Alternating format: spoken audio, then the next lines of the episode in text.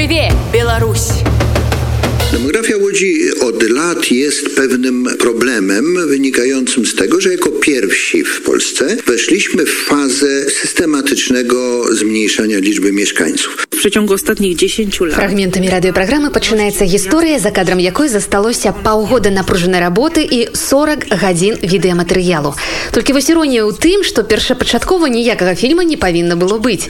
Беларускія прадпрымальнікі Александр Сурынаў і Александр Володзін здымалі контент для свайго YouTube-канала «Амаль бізнес». Інтэрв'ю з беларускімі прадпрымальнікамі, прадстаўнікамі лодзінскай мэрыі, кіраўнікамі біянанапарку і фабрыкі штукі павінны былі з'явіцца ў якасці асобных падкастаў. Але ў нейкі момант стала зразумела, штосьці будзе, расказвае рэжысёр карціны Александр Володзін. O ponad jedną czwartą. Это должен был быть первый выезд. Мы должны были поехать в Лодь. Мы хотели снять про инфраструктуру бизнеса в Лоде и записать цикл интервью с белорусскими предпринимателями. Первый день прошел просто как по маслу. Мы засняли много перебивок, и это была прекрасная весенняя погода, все цвело. Но на следующий день резко пошел снег. И все, что мы сняли, когда я отсматривал уже материал, мы просто не могли использовать. Потому что сначала у нас все цветет, а потом резко наступает снег. И эта э, резкая смена погоды произошла при- примерно за час. С другой стороны, мы сняли очень хорошее интервью с Лодка Продакшн, руководителем инвестиционного отдела мэрии Лодзи Адамом Жастовским. Это не было просто, э, не было просто интервью, удалось раскрыть героев, и они смогли рассказать какую-то личную историю, которая связывает их с этим городом. Это просто произошло спонтанно во время разговора.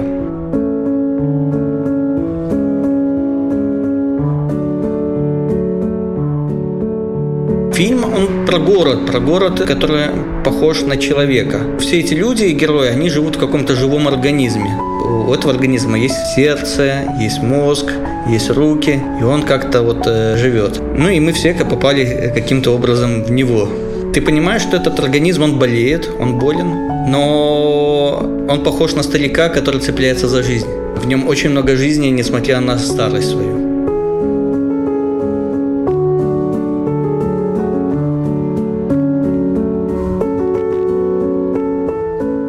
Я думаю, что это попытка как-то сформировать образ города в виде человека. Его жизнь, его прошлое. И песню в конце, она должна была быть другой. Я хотел ставить песню израильского композитора Эрика Эйнштейна «Рахут, Рахут Ликам», там где-то там далеко. И это должна была быть связь с прошлым. Потому что когда ты идешь по городу и общаешься с людьми, это приносит э, на столетия назад. Ты видишь всех этих э, израильских, э, еврейских фабрикантов. Видно, что очень много русских россиян инвестировало в этот город, потому что архитектура очень похожа на какую-то Тверь где-то кусками. С другой стороны, ну, видно, что там были и немцы.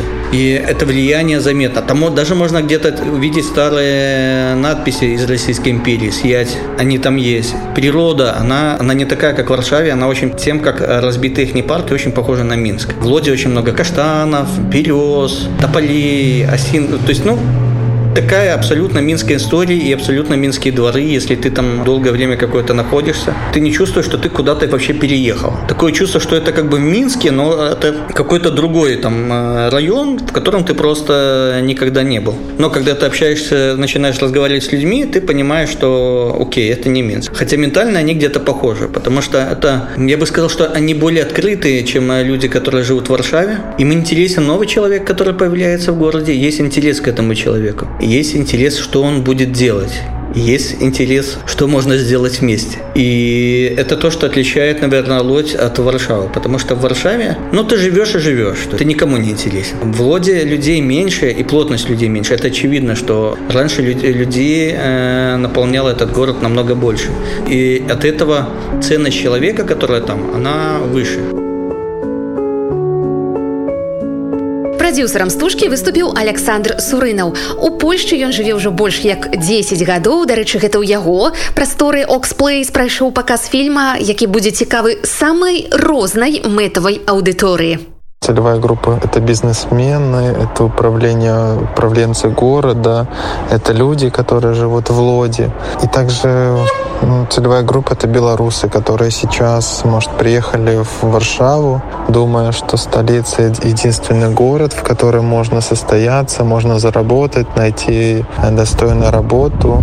Мы же немного пытаемся этим фильмом расширить горизонт и дать одной группе уверенность, да, как э, бизнесмену или начальнику Влади, дать уверенность в том, что его город, его работа, она качественна, интересна. А второй группе сказать, что, ребята, ну не сидите в Варшаве, переезжайте, пробуйте, тестируйте себя, проверяйте себя, узнавайте других людей и узнавайте то, что Польша это не один город, это шире, и каждый находит, найдет свое место и хорошую зарплату и возможность развиваться.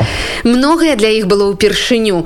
Александру Сурынаву давялося браць інтэрв'ю у польскіх чыноўнікаў і прадпрымальнікаў. Ну а Александру Валодзіну, які да 2020 года працаваў у рэстаранным бізнесе і быў дырэктарам веганскага фастфуду Манкі Фуд, прыйшлося нават купіць камеру і на працягу яшчэ трох месяцаў ездзіць у лодзь у пошуках атмасферных кадраў.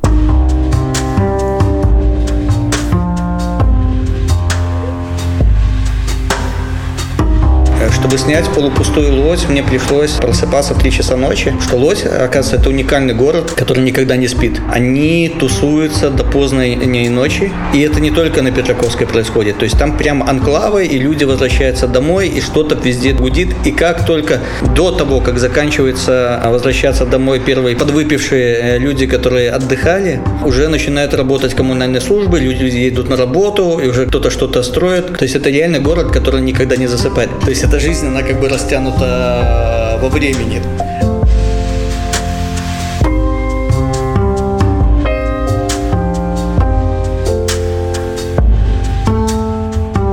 в современном квартале осталось здание какой-то фабрики. Я увидел, что дверь открыта, я туда зашел, казалось, что там какой-то а, арт-объект. Просто в огромном э, цеху заводском бывшем старом было каких-то э, два как будто инопланетных субстанций и с очень странной музыкой. Но и люди там, которые фотографировали, они выглядели соответствующие. Такое чувство, что ты переместился в сталкер Тарковского. И, в принципе, э, Лодь – это такой город порталов. Ты никогда не знаешь, что тебя ждет за углом. Сначала это может быть старая каменица, потом современное здание, потом и абсолютно люди совершенно разные. Если э, вы знаете, что есть какая-то субкультура или какая-то группа людей, которая чем-то занимается, они как-то выглядят и что-то должны делать, где-то в мире далеко в лоде они обязательно будут. Девочки надеты в костюмы покемонов, кто угодно, то есть вы можете найти всех их в одном месте. Это лодь. Сярод герояў фільма беларусы Антось севых і Ірына Паўлович гэта стваральнікі лодка прадакшн прадстаўнікі мэрыі лодзі Адам Бжастоўскі супрацоўнікі біяна на парку і фабрыкі штукі але здаецца галоўную ролю ў стужцы аддалі ўласна гораду з яго містычнай атмасферай якая пры першай жа сустрэчы захапіла рэжысёра Александра Володина. Это было очень странное мистическое ощущение, что я когда-то в этом городе жил это было такое чувство, э, что вообще все, что там происходило, это было немного странным. И из этого города было очень тяжело уехать. Тяжело уехать, потому что он на самом деле в себе как-то держит. Люди, которых я видел, мне казалось, что я их всех знаю. То есть я иду по улицам, и мне казалось, что вот этих людей, которые я вижу, я их все время где-то по дороге все время встречал. И это странное такое вот мистическое э, ощущение. Это был э, такой огромный прилив энергии, но как только я возвращался из Лоди, мне снились кошмары. И это было такое странное чувство, как будто город э, не хочет меня отпускать, и э, хочет, чтобы я в этом городе э, жил. Каждый раз, когда я возвращался, и после того, как мне серия этих кошмаров снился, я обещал себе, что в Лодь никогда не вернусь. Но проходило короткий промежуток времени, и меня снова обратно туда тянуло. Ну и это происходит вот время от времени постоянно. Очень хочется туда переехать, потому что ну, я чувствую, что этот город дает мне импульс, импульс создавать что-то, и в нем дышится куда более свободно. В нем создается чувство любопытства, потому что там очень огромное количество разных непонятных зданий, усадьб каких-то фабрикантов, разных фабрик, разных пространств. И ты каждый раз, сворачивая за угол или в какое-то место, ты открываешь что-то новое. И люди, которые живут, они, очень много людей, они уникальны. Ну, это можно сравнить только с Прагой, но Прага, она маленькая. Да, Варшавской Прагой. Точно такое же чувство ты испытываешь, когда живешь на Праге. Ты никогда не знаешь, что тебе, кто и что тебя ждет за углом. Но есть разное настроение в Праге и Лоди. Э, Прага, она смешная, потому что, пройдя 200 метров по улице, тебе обязательно кто-то рассмешит. Лодь, она другая, Лодь, она более меланхоличная и более мистическая. Э, в этом городе есть какое-то колдовство, какая-то загадка, ответ на который ты не можешь получить. Вот, и пока ты ее не решишь, этот город не может тебя отпустить. И поэтому главная героиня заканчивает этот фильм, что город сам тебя отпустит когда-нибудь. Мэта накіравана, калі я ўжо ведала, што я сюды еду. Я не глядзела здымкі. Я не чытала артыкулаў.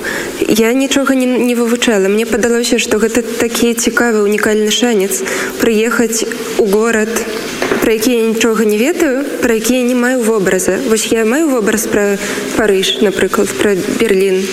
Я ўжо была, але на той момант не была ў гэтых гарадах. А пра лодзь я не не мела ніякага вобраза ў сваёй галаве.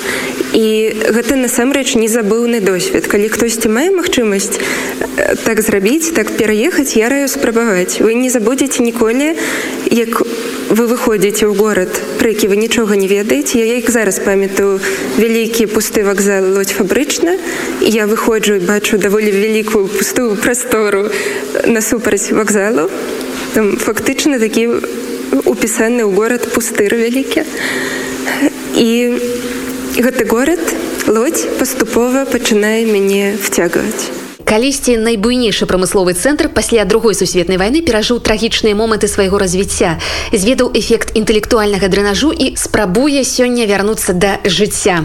Што варта не толькі павагі але і асаблівай увагі упэўнена экскурсавод татяна казак якая была сярод запрошаных на закрыты паказ лодзь гэта той горад які мусіць бываць першы кожны жыхар польшы тому что гэта горад які складаецца з архітэктуры 19 пачатку 20 стагоддзя. Аднак е там столькі я не ведаю мне цяжка параўнаць напэўна не ва ўсіх польскіх гарадах яшчэ пабывала але яе сапраўды вельмі шмат. Вельмі шмат прамысловай архітэктуры потому что лодзь у першую чаргу вядомая была як месца польскай традыцыі называе земя обіцана. Месца дзе сапраўды было вельмі шмат прадпрыемстваў у 19 стагоддзе і менавіта з пункту по погляду індустрыяльнай архітэктуры яна мне падаецца выдатнай калі пабывала там першы раз насамрэч ну прям гэта не так давно было там некалькі гадоў таму назад то мне падалося что это уже тады что это город нашмат разоў і так яно ёсць Таму что мне падаецца что людзі не до конца яго як бы ацэньваюць яшчэ. Я думаю что лодзь як бы адкрыецца в тым ліку для Польшы Таму что гэта плане нават камунікацыі вельмі зручны горад даезда з варшавы. Недалёка далёка зусім то есть на дзень спакойна можна туды паехаць як не ведаю паедзеш дзе-нибудь у вілянов але э, недацанённа тому что мне падаецца аб ім вельмі шмат таких ну не самых пазітыўных стэеатыпаў існуе да сённяшняга часу аднак варта памятаць што лодзь гэта трэці па велічыне горад польша як жартавалі на паказе рэжысёры прадюсер калі хоць у кагосьці ўзнікне жаданне наведаць горад пасля прагляду фільма яны зрабілі ўсё правільна стужка і сапраўды пакінула прыемны пасля смак ну, наверное до этого собственно хотелось здесь волосы. Точнее, там было до этого, а сейчас после этого фильма, ну, просто огонь. Да, захотелось даже больше туда съездить и даже в некотором смысле переехать, потому что город стоящий, определенно стоящий для того, чтобы там пожить некоторое время. Мне здаецца, што гэты фільм не толькі паказвае прыгажосць лозе, але таксама інтэграцыю беларусаў вось мы паглядзелі пра э, лодка прадакшн менавіта прадстаўнікоў, якія расказваюць, як жывуць у лодзе, якім падабаецца. І гэта самае галоўнае, тым, што э, вельмі многа э, фільмаў, якія паўстаюць цяпер пасля два -го года яны расказваюць про тое як цяжка беларусам жыць як яны продолжаюць змагацца і так далей а гэта фільм апроч прыгажосці лодзі показывае нам як беларусы могуць інтэгравацца рабіць розныя проекты і увогуле я вельмі удзячная рэжысёру гэтаму фільма что я ўбачыла лодзь па-першае зусім з іншага для мяне боку бо вельмі много было таких думак про тое что лодзь гэта вельмі пануры горад у які не хочется прыязджаць які вельмі такі шэры а, тут ён показаўся менавіта месцам перспектыў дзе можна будаваць сваё жыццё і будаваць менавіта скрыта крэатыўнага боку Таму так поспех гэтага фільма на środku w budzie i bardzo ciekawa tema i bardzo ciekawe sami instrumenty, jakie wykorzystane. Temu my zobaczyli różne каментары менавіта прадстаўнікоў з мэры горада з тых людзей якія даўно ўжо працуюць і беларусаў якія праводзяць акцыі але таксама як яны знаходзяць сваё жыццё ў гэтым бесперспектыўным нібы горадзе Таму так улоць на наступныя выходныя абавязкова паеду. Які далейшы лёс стужкі ідзе можна яе убачыць хутчэй за ўсё фільм не пакажуць на YouTube кажа прадюсер стужкі Александр сурынаў. Для картины подрыхтовали больше цікавую программу. Проект действительно прошел и изменил свою концепцию несколько раз. Вначале мы задумали просто серию интервью с интересными людьми Лоди и создание своего YouTube-канала. Дальше мы, наверное, почувствовали уверенно в себе и думали, что сделаем прям цикл программ про Лоти. Это будет, может, один большой выпуск на Ютубе. Ну и при монтаже, тут уже это все было без меня, материала было так много, и он был какой-то особый, что как раз э, решили, что э, нужно монтировать, у нас все есть, э, есть идея, желание, материал, и может из всего получиться отличный фильм. Плюс появилась новая идея узнать, как живут фестивали в Польше, как подавать заявки, как участвовать. И я почему-то верю, что мы еще узнаем, как побеждать на фестивалях. Таким чынам штосьці будзе. Дарэчы, назва фільма ўзнікла сама сабой, прыгадвае рэжысёр Александр Володин. Атмасферная, ёмістая і, нягледзячы на кантэкст, вельмі беларуская. Это, в принципе, такая ловушка Лоди в которые все всегда попадали, начиная от первых фабрикантов, которые туда приехали и все это строили, и все это начинали, оставались там жить. Это похожая история на Дикий Запад, о том, что этот город больших возможностей и пространств. Там есть возможность что-то делать. И когда ты что-то делаешь, ты говоришь, ну там что с будет, то есть вот это вот белорусское. Вот. И главные, многие герои, ну, герои этого фильма, они, да, повторяли несколько раз э, в течение фильма, что что с будет. Вот, я поэтому мне очень понравилось, и я это апроприировал и использовал название. Но я думаю, что да, это самая главная ловушка, до которой попадались все люди, которые приезжали в этот город. штосьці будзе дакументальны фільм пра горад лодзь рэжысёр александр володин прадюсер александр сурынаў аператор эльшат акбераў у рэпартажы прагучала музыка са стужкі прэм'ера якой нагадаю адбылася ў варшаўскай арт-прасторы оксплейс